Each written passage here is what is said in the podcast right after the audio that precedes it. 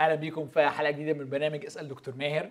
آه، بنبسط كل مرة بيبقى عندنا فيها فرصة آه، نناقش أسئلة آه، حضراتكم باعتينها آه، وده كان أول خالص الرؤية بتاعة البرنامج. طبعا تطورت واستفدنا واتعلمنا بس أنا فاكر من مارس آه، 2020 لما ابتدت الكورونا تيجي والدنيا ابتدت تقفل لما كنا بنقعد يا دكتور نسألك آه، أسئلة فأنا فرحان إن إحنا يعني كل فترة بنرجع نعمل آه، كده كمان إزيك مبدئيا أشكر الله كويس حلو قوي بقى لنا أكتر من من سنة في البرنامج أنا مش قادر أصدق إزاي. الوقت بي Yeah. بيفوت عامة أنا يعني أول واحد قاعد هنا اتعلمت واستفدت وبنبهر بصراحة من من من يعني رغبة حضرتك دايما في إفادتنا والمجهود اللي. بتبذله آه، شكراً. شايفه يعني. آم، زي ما حضراتكم عارفين ب يعني بن- بنبص عليها بطريقتين، نمرة واحد إيه أكتر أسئلة بتاخد أصوات من الناس؟ آم، آه، والنوع التاني هي أسئلة ممكن تبقى واخدة أصوات أقل بس هي متكررة بشكل أو بآخر تحت موضوع آه، معين. فخليني أبتدي بسؤال آه، إحنا ناقشناه قبل كده وفي حلقات مختلفة تطرقنا إليه بس هو لسه بيرجع. وما اكذبش عليك يا دكتور بخدمتي في الشباب عارف إن هو موضوع متفشي وجامد وم- وموجود فمعلش ناخد ليه وقت كمان. سؤالين متعلقين قوي ببعض. المؤمن لا يعيش في الخطية. أوكي؟ دي زي كأنها إيه جملة كده حد بيحطها هو مقتنع بيها. طب إزاي وأنا عايشة في العادة السرية وبحاول أقوم كل شوية وأقع تاني هل كده أنا مش مؤمنة؟ بحس برفض الله ليا. آم، غالبا حد تاني أو نفس الحد كاتب سؤال بطريقة مختلفة وبرضه واخد فوتس عالية جدا. بيقول بجد أنا تعبت من الفتور الروحي اللي مش عارفة أتخلص منه إزاي وبجد ما بقيتش عارفة أصلي أو أقرأ الكتاب زي الأول. كمان بحس بالذنب جامد قوي من الخطايا ومليش وش أصلي. آه يعني تعبير آه، معبر جدا عن وضع الشخص و- وموقفه من الله أو إحساس آه، رب- يعني إحساس إحساسه من ناحية موقف الله منه. يعني أبدأ بإني أقول إني متعاطف معاهم كأبنائي وحاسس بالمعاناة بتاعتهم بس أتمنى إنه هم يتسع عقلهم آه، ويفكروا بعمق في اللي هقوله و- وأصلي وأشجعهم إنه ياخدوه بجدية و- وبنعمه ربنا هيكون بيساعدهم. الأمر الأول إنهم يصححوا مفهومهم من جهة الخلاص. أحيانا بيبقى في مفهوم غريب كده أنا كأني بعقد صفقة مع ربنا. أنا جيت لربنا آه، من جانبي هبطل الخطية وهو من جانبه في الآخر هيقف جنبي وفي النهاية يديني السماء. فدي ال- الصفقة. آه، فأنا شاعر دلوقتي بالخوف وبالرعب وبالإحباط وبالفشل لأني مش عارف أعمل الجانب بتاعي في العقد اللي إحنا آه، وقعته انا وربنا. فأنا مش عارف أبطل خطيه فيبقى ماليش عين إن ربنا يقف جنبي وماليش عين أروح السماء. ده مفهوم أبعد ما يكون عن مفهوم الخلاص في الإيمان المسيحي. آه، وأتمنى إنه ال- ال- ال- الابنة اللي سألت السؤال ده أو الشاب اللي بيسأل السؤال ده إنه يراجع تاني مفهومه عن الخلاص المسيحي. مفهوم عن الخلاص المسيحي مش كده اطلاقا. لا الله هو بالشكل ده ولا الإنسان هو كل اللي مطلوب منه إنه يبطل خطية.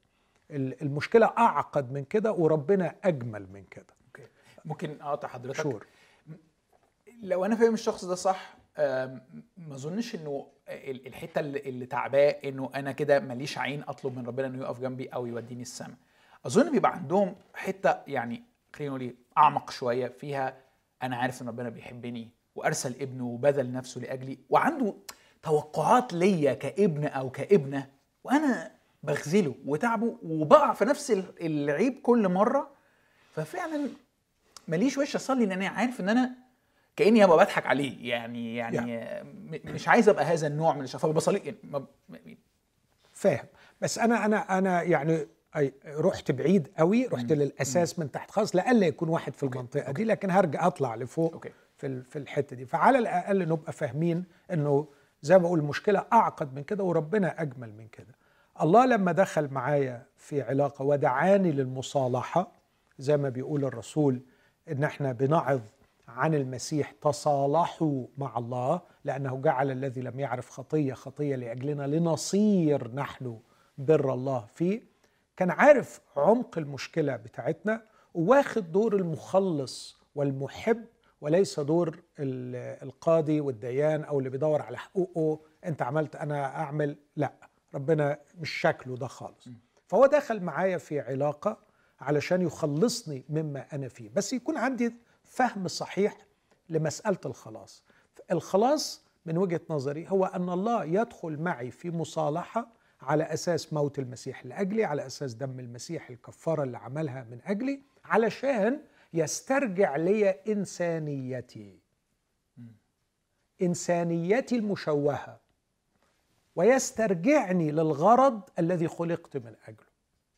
فده تعريفي للخلاص. إن الله بيعمل في عمل عظيم علشان يستعيد لي إنسانيتي التي تشوهت في فترة أسر الخطية لها أنا إنسانيتي لعشت سنوات طويلة أسير مسبي من الخطية. والخطية شوهتني ودمرت نفسيتي. لما رجعت لربنا ربنا عنده خطة رائعة جدا لاستعادة هذه الإنسانية وإزالة هذه التشوهات. مش بس كده لكن الخطية كمان أفقدتني الغرض الذي خلقت من أجله.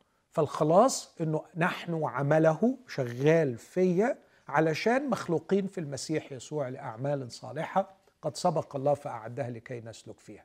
فأنا لما جيت لربنا جيت لمستشفى لما جيت لربنا جيت لحضنه اللي هو المستشفى بتاعتي. في المستشفى دي بيحصل حاجتين جمال.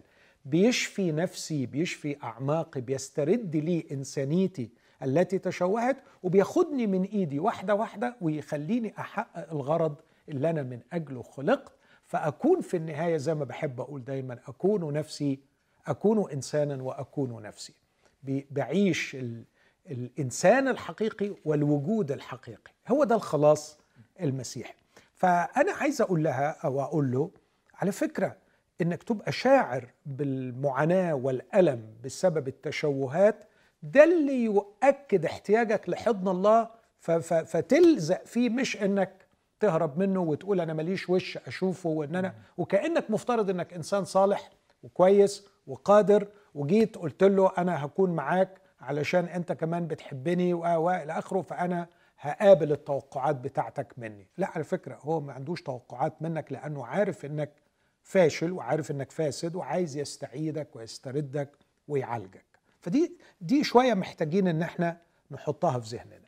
مش بدي رخصة للخطأ لكن عايز أقول علينا أن ننفتح لقبول النعمة التي تحررنا من تشوهاتنا. فالتشوهات موجودة لكن وجود التشوهات والصراعات معها لا يعني ابدا أني آه، يعني بعيد عن الإيمان أو إني مش مؤمن. اللي يقول إن أنا مش مؤمن هو آه، يعني أن أستمرئ الخطية أن استحلي الخطية أن أستسهل الخطية وإني أشرب الإثم كالماء وإني أعيش زي أهل العالم وأروح الكنائس وعايش كأني مؤمن.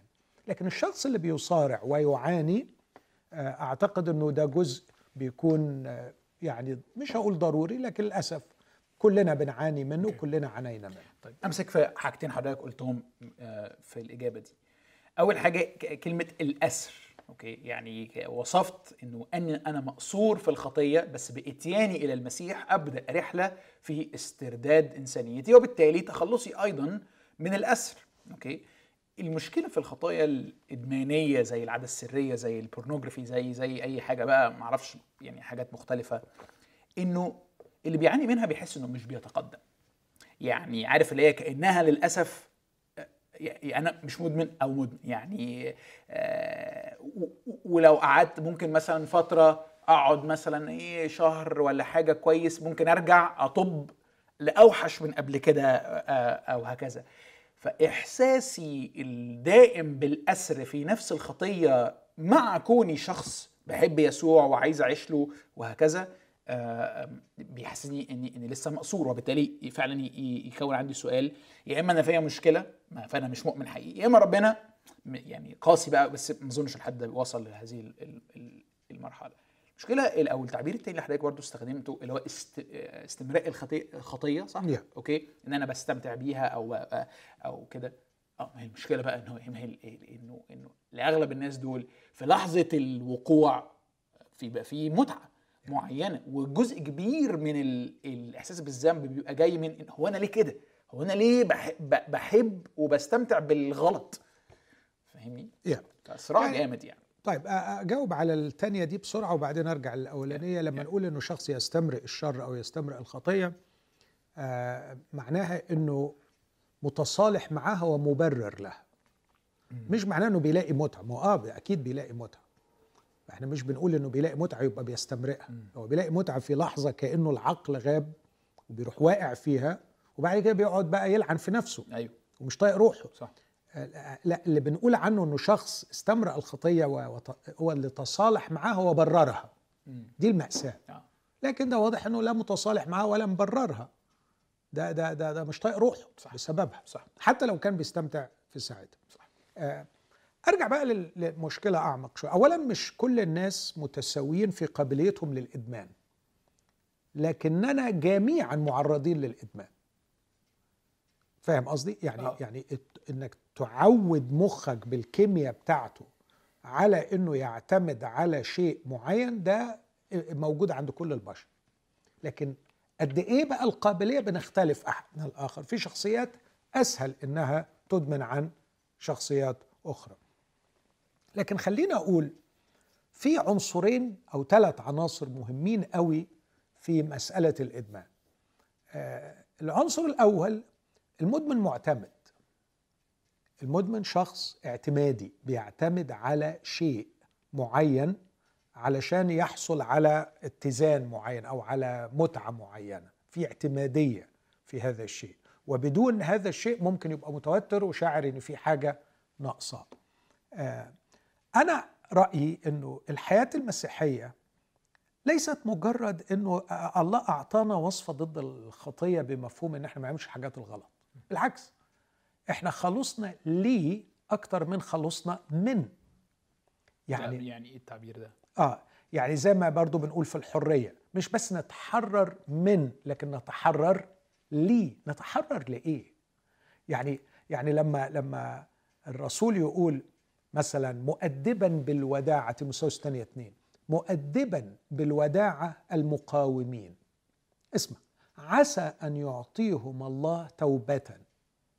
فيستفيقوا من فخ إبليس إذ قد اقتنصهم. نعمل comma لإرادته. أحيانا بنقرأ الآية دي غلط إذ قد اقتنصهم لإرادته. آه إرادة الشيطان. ده غلط. okay. آه. لكن يستفيقوا من فخ إبليس إذ قد اقتنصوا طب يستفيقوا لإيه؟ لإرادة الله بقى. لإرادة الله. okay. آه دي أول مرة أف- أشوف القراءة دي. آه فلما يستفيق لإرادة الله هناك متع في إتمام إرادة الله هناك عيشة في إرادة الله. تجلب تجعل الحياة متنوعة ومتعددة فيها علاقات وفيها خدمة وفيها إرسالية وفيها تضحيات وفيها قراءة وفيها استنارة وفيها أسئلة وفيها حوارات. فالحياة بتتسع. فيبقى ال dependency الاعتمادية على حاجة واحدة إنك زانق روحك في حاجة واحدة بتقل. بس sorry الاتساع بيجي في الأول ولا عدم الزنقة بيجي في الأول؟ يعني فا- فاهم أنا؟ جاي أنا جاي مزنوق. أنا جاي من الأصل محبوس في أسر إبليس وإبليس بيعرف يأسر كل واحد في حتة معينة. لكن لما جيت نفسي بس اللي أقوله للشباب وسع دماغك شوية من جهة آه، آه، جينا للخلاص الخلاص معناه نبطل الحاجات الوحشة. الخلاص مش مجرد تبطل الحاجات الوحشة. حاول تفتح ذهنك لإيه الأمور العظيمة اللي الله دعيك ليها. وهنمشي في الاثنين مع بعض. بنتحرر من السيء ونتحرر للصالح. يعني الاثنين يبقوا ماشيين مع بعض. نتحرر من السيء ونتحرر للصالح. فمن وإلى مش بس نقف عند يا عم لما أخلص بس من نبقى نفكر في إلى. آه. ده غلط. بالعكس أنت كل ما تتحرر إلى كل ما تتحرر أكتر من. آه مثلا الآية الثانية مخلوقين في المسيح يسوع لأعمال صالحة ليه؟ أعمال صالحة لما الرسول يقول يكفي زمان الحياة الذي مضى بطرس الأولى ثلاثة يكفي زمان الحياة الذي مضى لنكون فعلنا إرادة الأمم. فلنعش الزمان الباقي لإرادة الله. فلما يسيطر علي الفكر إني أعيش لي وأكتشف ماذا يقودني الرب إليه وألتصق بيه علشان يقودني للي هو عايزه.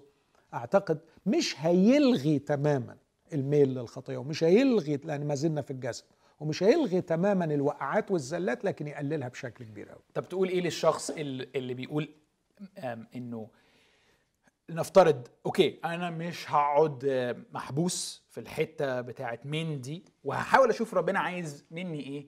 فهحاول فعلا أنخرط في خدمة أقرب منه آه، وأعتمد على النعمة أحاول أكرز وأشارك رسالة الإنجيل مع الناس أحاول أخدم أحاول أستخدم مواهبي وأكتشفها لأجل ملكوته. بس دايما عندي الحتة دي أوكي؟ ما تخلصتش منها أو ما تقدمتش فيها. ده بينتج لي بقى مشكلة أوحش بقى إن أنا منافق ومرائي وفريسي من جوه قبر يعني متعفن لكن من قدام الناس أنا خادم وكبير ومش عارف إيه. وأنا يعني كواحد في الخدمة ب ب ب في لحظات صدق يعني نادرة لما حد مثلا في- معايا في الخدمة يجي يقول لي أنا لأني بخدم مش عارف آه، أتعامل مع ضعفي لأنه عارف خلاص حطيت نفسي بقى في الحتة دي فبقاش عندي حد أعرف أعترف له بضعفي يعني وهكذا. ف ف مقتنع مقتنع بفكرة ما تتزنقش في الحتة دي وشوف بقية ال- لاراده الله. بس كل ما تقدمت دي وما تقدمتش في دي بحس إنه كل ده هش آه، كذب. أه، ما أنت اعتبرت إن ده تقدم. أنا اعتقادي إن التقدم الحقيقي آه، بيفكك. كل ما تتقدم بيفكك. وتاني بقول مش بي- بيفكك يعني يجعلك معصوما من الخطأ. لكن التقدم الحقيقي أكيد هيفك. خليني أكمل لك موضوع الإدمان بسرعة علشان please فكرة اتفضل. آه، يعني أنا قلت ثلاث حاجات ممكن أزود عليهم حاجة رابعة. فبقولت اولا إن الإدمان اعتمادية أيوة. ودي شرحتها. صح. نمرة اتنين الاعتمادية ال- الإدمان control. ال- الشخص اللي, اللي- في حاجة بيبقى بيدمنها ده بيحاول أساسا أنه يسيطر على الواقع بتاعه ويخلي الواقع يمشي زي ما هو عايزه. حتى لو كان الواقع ده واقع مزاجه. فأنا ما ينفعش أبدا آه، أسيب آه، نفسي كده يعني. أنا أنا أوصل مزاجي يكون في الحالة اللي أنا عايزها له. وده ودي مأساة الإدمان كنترول. عشان كده لو تفتكر برنامج ال 12 خطوة بتاع ال ال الإدمان أول كام خطوة فيه لما من الخطوات ال 12 ي- ي- يتلخصوا فيه على فكرة يوجد لهذا الكون قوة عظيمة وهي ليست أنت. مش أنت اللي متحكم في كل شيء. وبعد كده إنك لازم تسلم للقوة ال- العظمى دي. لازم تسلم لها. لازم تتعلم التسليم. ف بس التسليم ما ينفعش في لحظة ما تتزنق في الحاجة اللي انت بتحبها. درب نفسك على التسليم لله طول اليوم. درب نفسك انك تكون بتكف عن العادة الغبية بتاعت انك تسيطر تسيطر تسيطر. خليني مثلا أقول أنا شخصيا أمارس التسليم لله في ردي على ال text messages اللي بتجيلي. أمارس التسليم لله في سرحاني في أفكاري. أمارس التسليم لله في أكلي. يا رب عايزني عايزني أعيش إزاي؟ عايزني أقول إيه؟ عايز كل ما فعلته من قول أو فعل فاعملوا الكل لمجد الله شاكرين الله الآب به فإنك أنت تعيش طول اليوم in control على حياتك طالما أنا ما حاجة حاجات غلط. طالما أنا حاجات مش حاجات غلط. أنا أنا بلعب أنا بهزر أنا بضحك أنا بتفسح أنا بشتغل. فيش حاجات غلط فأنا مش محتاج ربنا. فأنا in control وبعدين فجأة آجي قدام دي ألاقي روحي واقع. طب حبيبي ما تعيش مسلم علشان تختبر القوة الإلهية في النقطة دي فالإدمان control. اعتمادية وال- والإدمان control. الحاجة الت... والاثنين contradictory لو تاخد بالك اعتمادية و control يعني يعني فعلا تشوه رهيب. الحاجة الثالثه ما فيش إدمان بدون كذب. طبعا. الإدمان دايما معتمد على أكاذيب. والخطية دايما محاطة بأكاذيب وأكتر شيء محاط بكم مهول من الأكاذيب هو الجنس والرومانس. أنا أعرف شباب شباب خريج جامعات محترمة قوي حصلوا على درجات عالية قوي لكن فعلا بأصدم لما يقول لي ما هو أنا لو ما خدش البنت دي هنتحر. ما هو أنا أو يدخل في اكتئاب. ده مسكين مخه متبرمج على كم رهيب من الأكاذيب حول ما سيهبه لك الرومانس ما ستهبه لك العلاقات الرومانسية. بص عشان كده الرب يسوع اسمع النص ده معايا في يوحنا 8 وشوف جمال كلام المسيح. كان يسوع يتكلم مع اليهود فكثيرون من الذين سمعوا آمنوا. ابتداء من عدد 31 يقول فقال يسوع لليهود الذين آمنوا به. لليهود الذين آمنوا آمنوا به. اسمع. إن ثبتتم في كلامي. ثبتتم في إنجيل يوحنا يوسف معناه سكنتم. إن ثبتتم في كلامي وثبت كلامي فيكم فبالحقيقة تكونون تلاميذي وتعرفون الحق والحق يحرركم. شوف الجمال بتاع النص ده. أنت أمنت it's good حلو عظيم بس أنت مطلوب منك إنك تثبت في كلامي تسليم المستمر والثقة المستمرة في كلمة الله. وثبت كلامي فيكم إنك تفتح نفسك لكلمة الله. هتكون النتيجة إنك بالحقيقة تكون تلميذا تلميذ في مفهوم المسيح يعني صبي يا يوسف.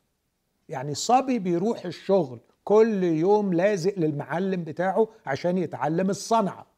المفهوم ده غاب تماما. نحن نؤمن لكي نصبح أعضاء كنائس. أعضاء في اجتماع الشباب. نجلس على المقاعد نسبح ونتلقى عظات جميلة ونذهب للمؤتمرات في الصيف and. لا. لو أنت جيت للمسيح معناه إنك تبقى صبي لمعلم. عايز تتعلم منه الصنعة. فبتلزق في الرب يسوع وبتلزق في القادة بتوعك وبتلزق في المؤمنين الأكبر منك عشان تتعلم إزاي الحياة المسيحية تتعاش إن ثبتتم في كلامي وثبت كلامي فيكم فبالحقيقة تكونون تلاميذي. وبعدين يقول إيه؟ وإنت في حالة التلمذة هيجي لك أعظم خبر هتعرف الحق. إيه الحق؟ مش إن الله ثالث واحد والمسيح تجسد والمسيح مات وقام في اليوم السادس مش هو ده الحق؟ تعرف الحق من جهة كل شيء. تعرف الحق من جهة نفسك من جهة الجنس من جهة العلاقات الرومانسية من جهة الناس من جهة الخطية من جهة الأبدية من جهة الشيطان. تعرف الحق. وكلما عرفت الحق الحق له قوة. يحررك هيحرر عقلك. لأنه بيوقع لك الكذبة الخاصة بالعادة السرية الكذبة الخاصة بالجواز الكذبة الخاصة بكذا. فكل ما تعرف الحق أي حقيقة هذا الشيء أوه تتفك من القيود دي. فكونك في وضع التلمذة زي ما حضرتك قلت كده ده بي- بيعرضك أكتر للعملية اللي هي فيها معرفة الحق وبالتالي لل- لل- للحرية أكتر. بالظبط. okay. بس ده هيجي لما تتلمذ. المشكلة إنه المؤمنين رافضين التلمذة. أيوة. المؤمنين in control المؤمن هو اللي بيقود الر- الرحلة. أنا أروح الكنيسة وأحضر كذا وكذا وأ... يا حبيبي ما ينفعش أنت لازم تتلمذ أنت طول اليوم تبقى صبي معلم. يسوع المعلم. فأنت لازق له طول اليوم بتتكلم معاه اللي هو قلته في النقطة اللي فاتت التسليم المستمر. يبقى شيء أخير في الإدمان. الإدمان متعة. في متعة معينة من وراء الإدمان. والإنسان كائن مخلوق ليستمتع. ودي نعمة من نعم ربنا. لكن اللي حصل إن إحنا آه، حصل عندنا تشوه في أنواع المتع وأحجامها. فبقينا شفتد لأنواع معينة من المتع وأنواع تانية كتيره قوي مهملينها. نحن نحتاج إلى قدر كافي من متع متنوعة لكي نكون بشر أسوياء. فأنا محتاجة تستمتع بس على فكرة مش المتعة الوحيدة في الدنيا هي الجنس. ده أنا كده بختزل نفسي إلى جزء حيواني يعني لا الجنس متعة. على فكرة اللي عمل متعة الجنس هو ربنا. هو ربنا اللي عمل الدوبامين واللي عمل الأكسيتوسين وعمل ال- الهرمونات اللي تسبب المتعة بتاعة الجنس. بس ربنا اللي عمل الهرمونات اللي تسبب متعة الجنس هو اللي عامل المتعة في العلاقات السوية. أنا ليه أصدقاء لما بشوفهم بفرح بشتاق عليهم بحب أشوفهم؟ لما بقعد أعمل حوار مع ابني وندخل في أمور عميقة متعة متعة. لما يعني آه استنير من جهة أمر معين لما أنجز أمر معين لما أخدم ربنا بشكل معين فالمتع أنواع. فلا ينبغي أن أختزل المتع في الحياة وأحرم نفسي من متع كثيرة وأختزل متع إلى متعة أو متعتين. فلو أنت بتاخد قدر كافي من بقية المتع آه، أعتقد إن ده هيساعدك كتير قوي في عدم سقوطك في ال- الخطيه مع بس ملاحظة إنه علشان تجرب متعة جديدة في البداية ما بتبقاش ممتعة. يعني زي بالظبط اللي هيلعب تنس. آه، في البداية وهو مش عارف يلعب كويس. الهوا. وبيشوط الهواء ويبقى منظره وحش لما بتبقى سخيفة. بس بعد شوية صح. لا بتيجي المتعة بقى وبيبدأ يستمتع بيها. okay. يعني عايز أسألك على موضوع الكذب. من خلال ال... يعني عن حاجات معينة في الحياة زي الحب زي الجنس وهكذا. يعني خلينا نقول إيه ناس كتيرة بتميز آه إنه الميديا مثلا ونتفليكس والمسلسلات الغربية مليانة ايديولوجي عن الحاجات دي. يعني أنا حتى أعرف ناس كتيرة قوي وهيجي probably ده بقى الموضوع اللي جاي. بيقولوا إنه نتفليكس مليانة بايديولوجي مثلا من ناحية المثليه الجنسية. عايزانا نقبلها لاننا بنتفرج على المسلسلات دي. أسألك بقى إذا أنا معرض لأفكار كتيرة جدا على ال social media والمسلسلات والأغاني وكل الكلام ده فين ألاقي المضاد؟ فين ألاقي الفكر الصحيح عن هذه الأشياء اللي بتمسني وبتهمني؟ يعني خلينا أقول إنه إحنا النهارده عندنا ثراء رهيب. أنا شخصيا لما بشوف وقارن بالجيل بتاعي أنا كنت عامل اشتراك ب 2 جنيه في الشهر في مكتبة معينة أدفع ال 2 جنيه دول يعني قسط شهري باخدهم من مصروفي. والله يعلم كنت إزاي بدبرهم علشان أجيب كتب. آه النهارده أنا يعني مسألة الحصول على كتب ولا مسألة إنك بس تبحث في موضوع معين كم المواقع الجادة وكم الفيديوز العظيمة وكم المواهب الجبارة في المسيحية اللي كاتبة واللي قايلة واللي مصورة بصراحة لا عذر لهذا الجيل إذا كان جدا في بحثه عن المواد الجيدة لكي ما يتعلم ولكي ما يتثقف روحيا وعلميا يعني. الجانب الثاني لازم يبقى عارف كويس قوي إنه إبليس رئيس هذا العالم مش بيلعب وإنه إبليس يعني ذكي جدا وفاهم كويس قوي قوي قوي وإنه بيعرف يسيطر على البشر من خلال technology ومن خلال الميديا فأنا لسه اليومين اللي فاتوا دول ببص كده على فيسبوك فبقول البتاع ده لازم يسموه fake books fake book مش مش فيسبوك كله فيك كله فيك مرة قلت الكلمة دي يعني كنا قديما نخلد اللحظة بأن نلتقط لها صورة. حاليا للأسف الشديد نصنع اللحظة من أجل الصورة. تلاقي الناس حاطة صور وحاطة حاجات وكلها حاجات لا تعبر عن الحقيقة. فأقول للشباب خليك واعي لما تشاهده و و وقلل شوية من الحاجات اللي أنت خلاص عرفت إنه ده فيك. أحيانا الشاب يبقى يعني تصعب عليه نفسه ويحس إنه هيبته هتضيع في المجتمع لو في مسلسل معين ما شافوش أو اتقلب فيه مثلا ما عرفش هو منين. آه أوكي. ده اسمه عبط. ده اسمه عبط لأنه أنت بص علشان توصل لكده مخك هيلم زبالة قد إيه؟ وهتترمي قاذورات قد إيه؟ وهتحتاج وقت قد إيه عشان تتخلص من هذه الأكاذيب بعد كده؟ فخليك ذكي. أنا أزعم إني متابع للثقافة العالمية لكن عمري ما أفتح مخي لأي كلام. أنا بصلي يا رب عايزني أشوف إيه؟ والاقي ربنا بيقودني بطريقة معينة أشوف حاجة معينة تديني فكرة عن الموضوع مش إن أنا أقعد أعمل مخي صفيحة زبالة. فحتى الحدود في كمية استخدام الميديا حتى لو مش غلط بالمفهوم الفج يعني شيء حكيم. يساعدني إني عقلي ما يبقاش طول الوقت معرض لأفكار. بالظبط كده. okay. هياخدنا الموضوع مختلف صعب ومعقد ويعني بس هو واخد أكتر votes في الحقيقة. ما هو دور الكنيسة الصحيح في التعامل مع الكنائس المؤيدة لزواج المثليين؟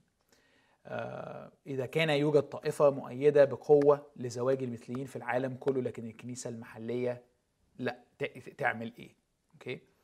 يعني في سؤال تاني يعني ممكن يبقى عام أكتر بيقول يا ليت دكتور ماهر يقدم لنا الرأي الكتابي والطبي للمثلية الجنسية هل هي اختيار إرادي أم أمر يحتم على صاحبه منذ الولادة؟ ما هو دور الكنيسة؟ يعني موضوع كبير. طبعا يعني أعتقد ده موضوع يحتاج حلقة واثنين وثلاثة لوحده. خلينا أقول ثلاث كلمات. وأنا بتعامل مع القضية دي وهي قضية شائكة بحط في اعتباري ثلاث حاجات. بحط في اعتباري ماذا يقول الكتاب المقدس. ولابد أن أكون أمينا لكلمة الله. إذا اختلت أمانتي لكلمة الله ضاع كل شيء وانهار الأساس. فلا بد من الأمانة الكاملة لما يقوله الكتاب. النقطة الثانية الأمانة الكاملة للشخص الذي يعاني. أنا زي ما أنا مسؤول أمام الله عن كلمته أنا مسؤول أمام الله عن خليقته عن الناس دي. الناس دي ربنا بيحبها. وزي ما أنا بحب الكتاب أنا بحب الناس. وزي ما ينبغي إني أكون أمين للكتاب ينبغي إني أكون أمين للشخص اللي قدامي. حتى لو وجعته حتى لو قلت له كلام ما يريحوش أنا بقول له أني بحبه وعايز أكون أمين ليه وعايز أنقذه. الحاجة الثالثه ينبغي أن أكون أمين للثقافة المحيطة بي فلا أرسل لها رسائل تقطع العلاقة بيني وبينها فأفقد فرصتي للبشارة بالإنجيل فأمانة للكتاب أمانة للإنسان أمانة للثقافة حضرتك تشرح واحدة. واحدة حاضر. آه، okay حاضر. مش مش بتفصيل okay. أنا بوري لك المنهج اللي بفكر بيه فأمانتي للكتاب مثلا ممكن أقعد أتكلم ساعات عن ماذا يعلم الكتاب بخصوص هذا الأمر لكن عايز أقول ببساطة شديدة جدا لا يحل لأي هيئة أو لأي إنسان أن يختلس تعبير معين يقصد به الكتاب المقدس شيء ثم يعطيه هو مفهوم آخر. يعني كلمة الزواج في الكتاب المقدس ده ده ترم ده ده يعني آه، مصطلح يقصد به الكتاب المقدس شيئا محددا جدا جدا جدا. يقصد به ارتباط رجل بامرأة في عهد مقدس والعهد ده مع الله.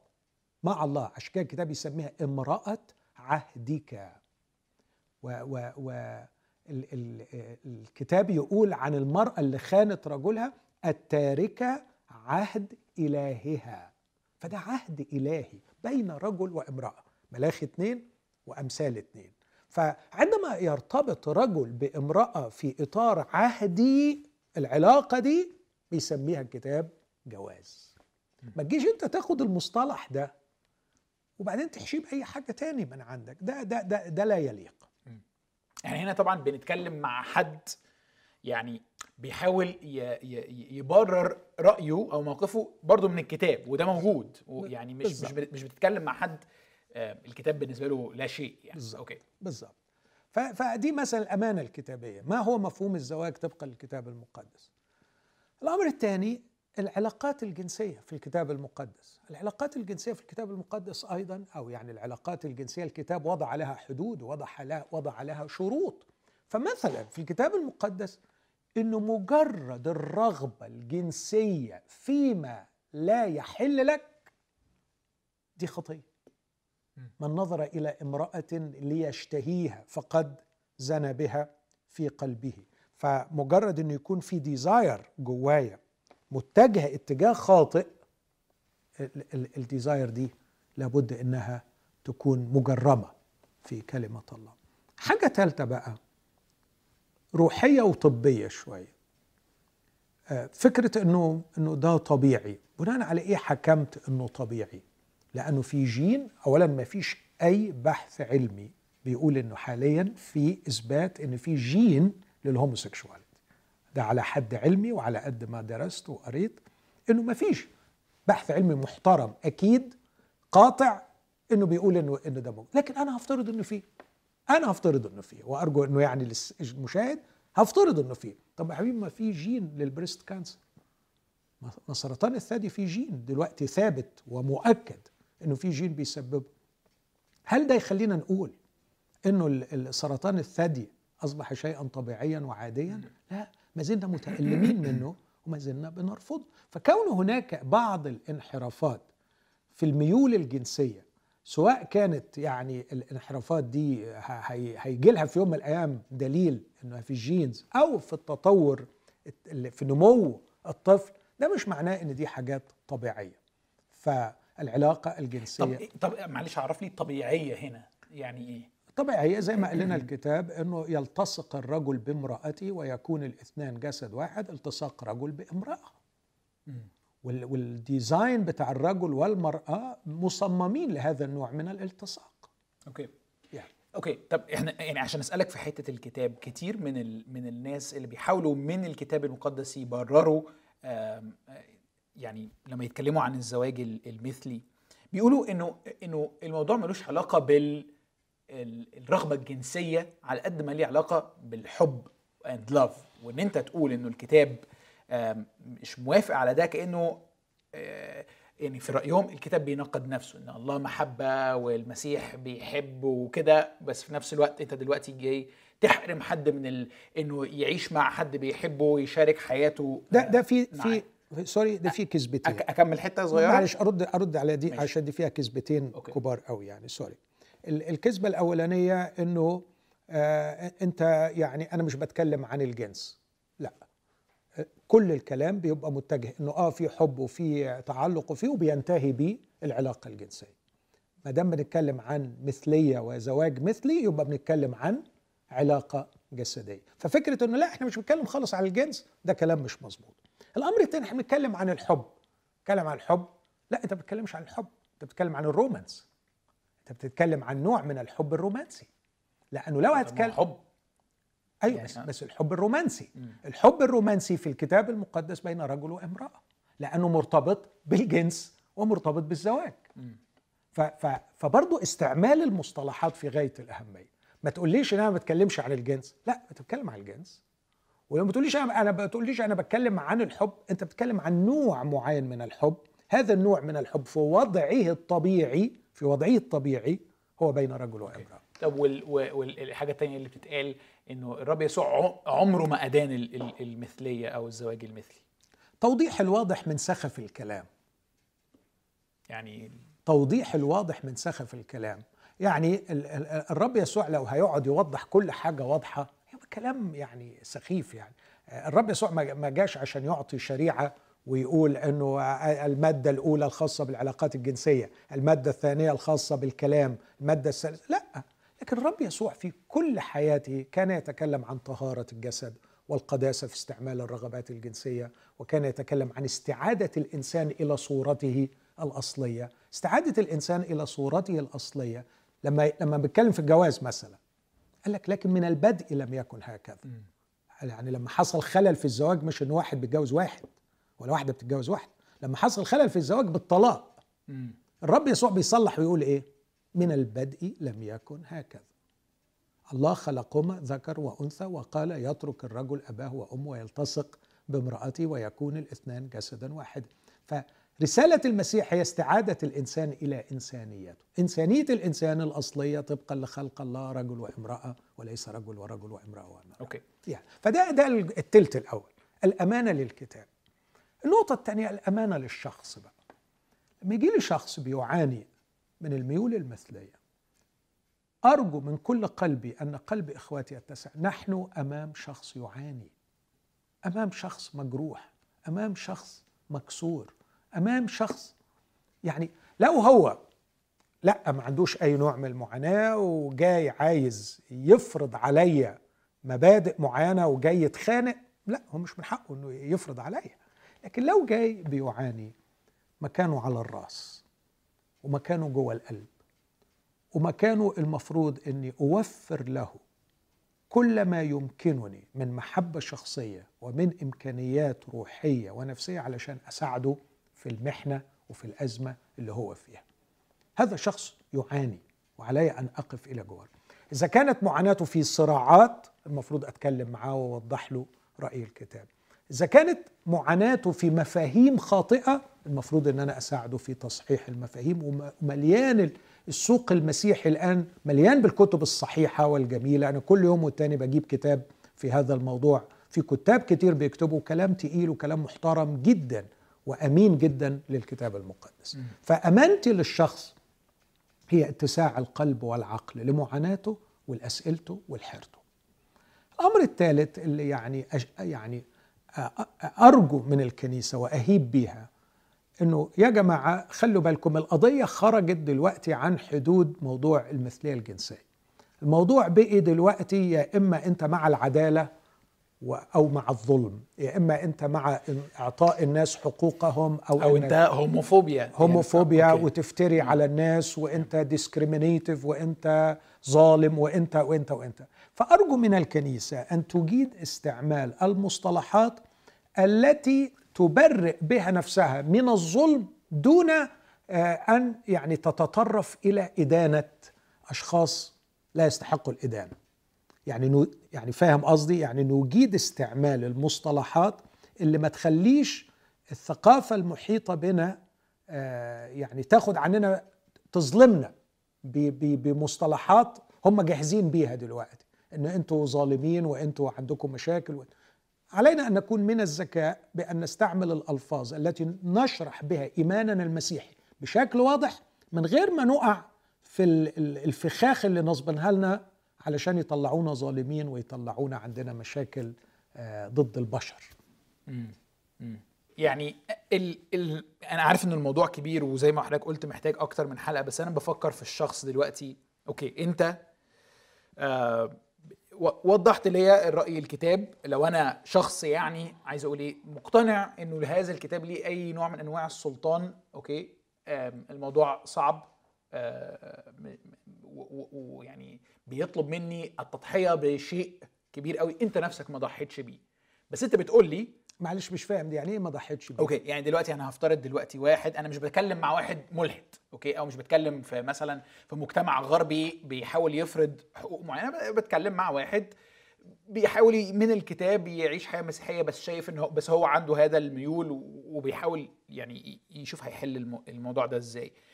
انت بتقول لي دلوقتي كواحد عندي انجذاب للجنس المثلي انه الكتاب المقدس بيقول إن ده هذا نوع من خلينا نقول نتائج السقوط. لطشتني أنا بشكل ولطشت حد تاني بشكل تاني. يعني حضرتك آه، قارنتها بال breast cancer. السقوط أثر عليها هي بال breast cancer وأثر عليا أنا بهذه الميول الجنسية آه، اللي مش مطابقة لل design بتاع بتاع الله. okay؟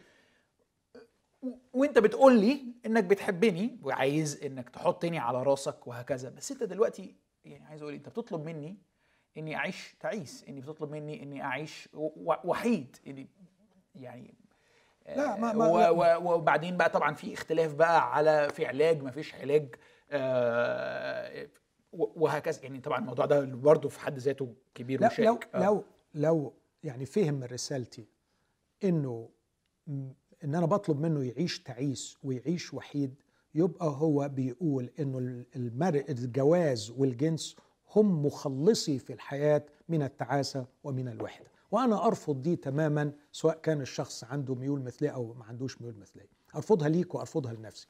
إذا وصل الشخص مفهومه إنه مخلصي من التعاسة والوحدة في الحياة هو الرومانس والجنس ده مفهوم يعني سامحني أقول غبي. على فكرة ليس الزواج هو من يخلص الإنسان من تعاساته ولا الزواج هو الذي يخلص الإنسان من شعوره بالوحدة. وارجع لحلقات اللي عملتها أنا مع الشباب كنت بقول الإنسان كائن وحيد ومفيش حاجة تخلصه من الوحدة إلا الحضن الأبوي علاقته بالحضن الأبوي.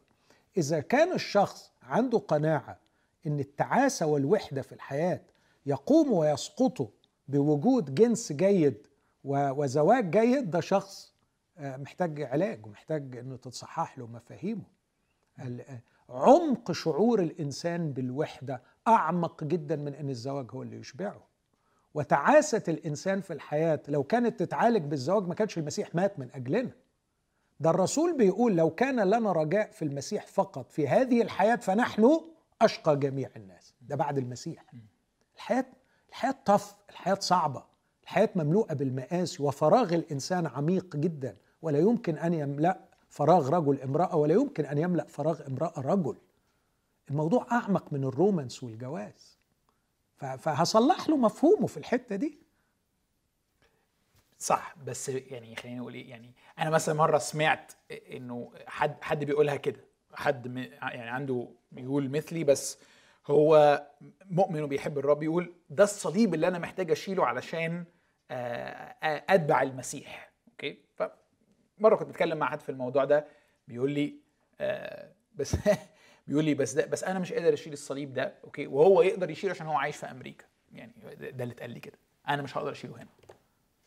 مش فاهم يعني يقصد إنه هيقدر يعيش يشيله عشان عايش في أمريكا؟ مش فاهمها غالبا الشخص كان قصده إنه تقبل المسيحيين مثلا في المجتمعات الغربية للناس اللي عندهم الانجذاب للجنس المماثل. كأشخاص على العين وعلى الرأس أكتر بكتير من هنا. يعني هنا بيتظلموا وبيتبهدلوا وفي نفس الوقت مش بيعرفوا يحلوا مشكلتهم. ما, ما زال بيعاني هنا وهناك. ما زال بيعاني هنا وهناك. لكن عايز أقول أنا أعرف أشخاص هنا في المجتمعات المسيحية أتقياء وقديسين وعاشوا بطهارة عاشوا حياة عزوبية مقدسين للرب وبعضهم الآن وصل لعمر الستين والسبعين. وناس عاشوا حياة ناجحة وأمينة لربنا من غير ما يغلط ولا يروح. اولا برضو هصحح له هو على فكرة مش حمل الصليب هو الموضوع ده. يعني برضو كلمة حمل الصليب دي محتاجة شرح وتوضيحات كتير. لكن لو الرب سمح لي بنوع من المعاناة نوع معاناة على فكرة في ناس متزوجين كتير قوي وعايشين محرومين جنسيا. بسبب معاناة معينة. وقابلين هذا الألم. في ناس كتير قوي عندهم معاناة بسبب إعاقة معينة حرماهم من حاجات كتير قوي. فلم يعدنا الكتاب أنه يجعل حياتنا على الأرض بعد تبعية المسيح جنتنا على الأرض. الحياة مملوءة بالمعاناة. وبولس نفسه كان عنده شوكة في الجسد مش من الناحية الجنسية لكن عنده شوكة في الجسد.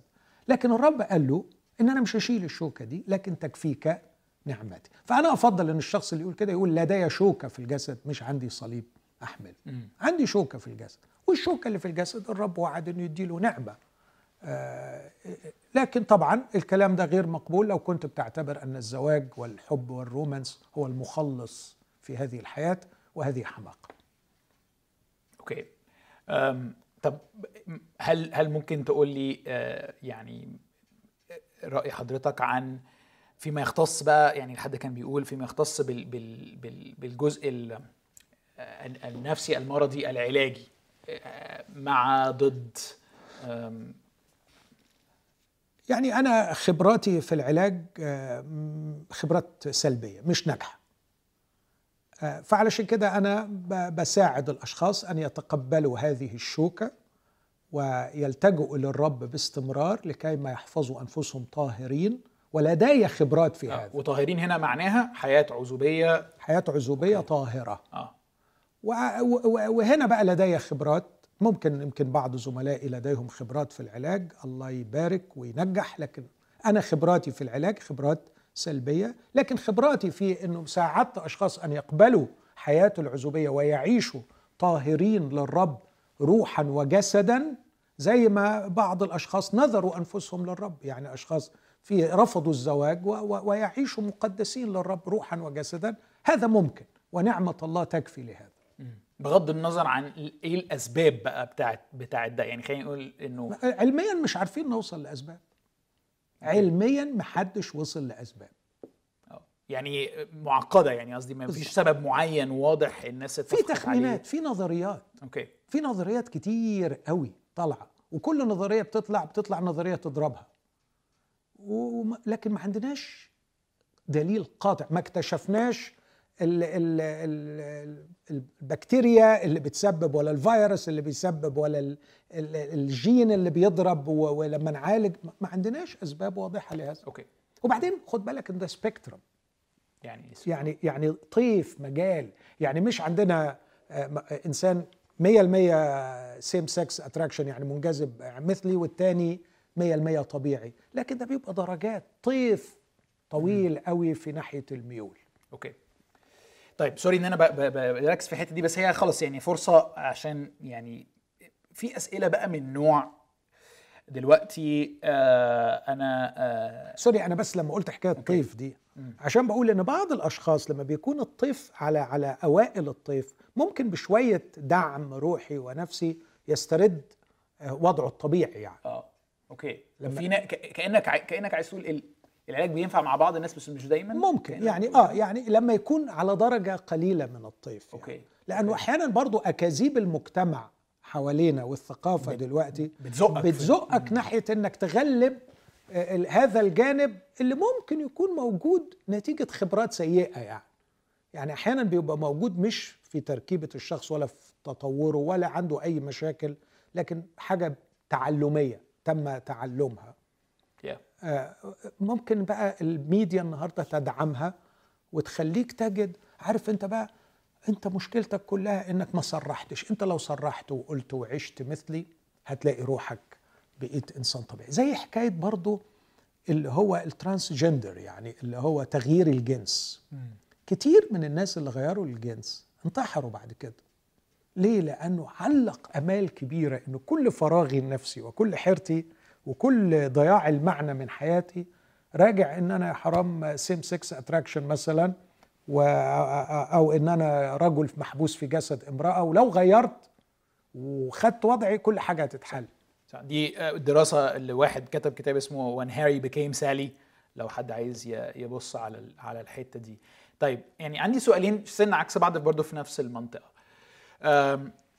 في ناس كتيره بيتفرجوا على البرنامج عايشين بره مصر في مجتمع غربي okay؟ ويبقى عندهم بقى الصراع ده. أنا دلوقتي في مجتمع قابل ده تماما ومش مفيش بقى اللي هو بقى كنيسة بنتخانق جوه نتفرج. أنا معرض تماما وعيالي أو أولادي معرضين لهذا الفكر. واي حاجة ضد ده في المدارس بقى كمان.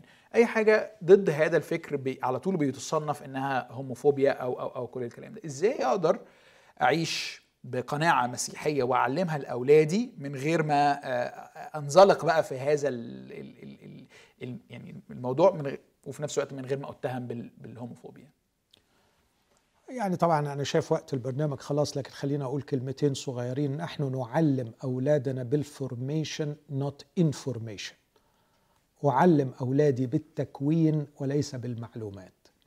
أنا أكون في أولادي كيان مسيحي كيان روحي. أنا أكون في أولادي طريقة تفكير معينة. والأمر الثاني أنا بعلمهم بالبوندنج أنا بلتحم بيهم. مش مجرد إن أنا بديهم تعليمات. فبربي ابني على إنه يكون بيتكون تكوين صحيح وبعمل علاقة قوية بيني وبينه. فتلقائيا ابني يحترم ما أنا أحترمه ويقدر ما أنا أقدره. وأنا كبير في عينيه للدرجة أن ما يتضاد معي أكيد في حاجة مش مظبوطة. المفروض إنه أحقق هذا في علاقتي بأولادي. وده الحقيقة أساسي جدا يا يوسف لأنه الضغط من بره عنيف جدا وما يكفيش إنك مجرد تتسلح بشوية معلومات تقولهم له وكأنك هتصد الهجوم اللي جاي عليه من بره. لابد إن يكون في نوع من العلاقة الحميمة بينك وبين ابنك القوية جدا والقناعة من ابنك بيك علشان يرفض الضغط اللي جاي عليه من بره. الأمر الثاني إنه على الآباء إنهم يقروا الكتابات المسيحية الجميلة والعميقة واللي بالعشرات اللي كتبت في هذا المجال. يعني أنا أتذكر من عشر سنين أول كتاب قريته عن الهوموسيكشواليتي وشفت قد إيه اللاهوت اللي كتبه كان بيصارع. والنهاردة بشوف كم الكتابات الأسهل والأبسط والاكثر جميلة مكتوبة. فهناك كتابات مسيحية كثيرة تساعد الآباء على مجاوبة أسئلة أبنائهم. شكرا. يعني يا دكتور يعني أنا عايز أقول كواحد برضو بخدم في ما بين الشباب إنه التحدي ده مش بس للناس اللي عايشة بره. النهارده خلاص فعلا العالم بقى قرية صغيرة والايديولوجي موجودة في كل مكان فكل أب وأم عنده أبناء عايز يستثمر فيهم محتاج إنه يحبهم ويقرب منهم ي bond زي ما حضرتك قلت بس كمان إنه يفكر في الموضوع ده. الموضوع مش بعيد هناك في البلاد اللي بره لكن موجود دلوقتي في كل ال platforms اللي أولادنا بيتعرضوا ليها ومحتاجين نتعلم إزاي نرد عليها بطريقة مش اللي هو إيه ده ده عيب وحرام يعني بطريقه في وفي إجابات محترمة. زي ما حضرتك. أشكرك يا دكتور ماهر على وقتك وعلى دايما اتساعك للإجابة على الأسئلة. أشكركم على متابعتكم لينا وعلى كل سؤال اتبعت لينا وبنعتذر لكل شخص ما لحقناش نرد على أسئلته لكن أكيد هيبقى عندنا فرص تانية فيها. نسأل دكتور ماهر ونشوفكم في حلقة مقبلة.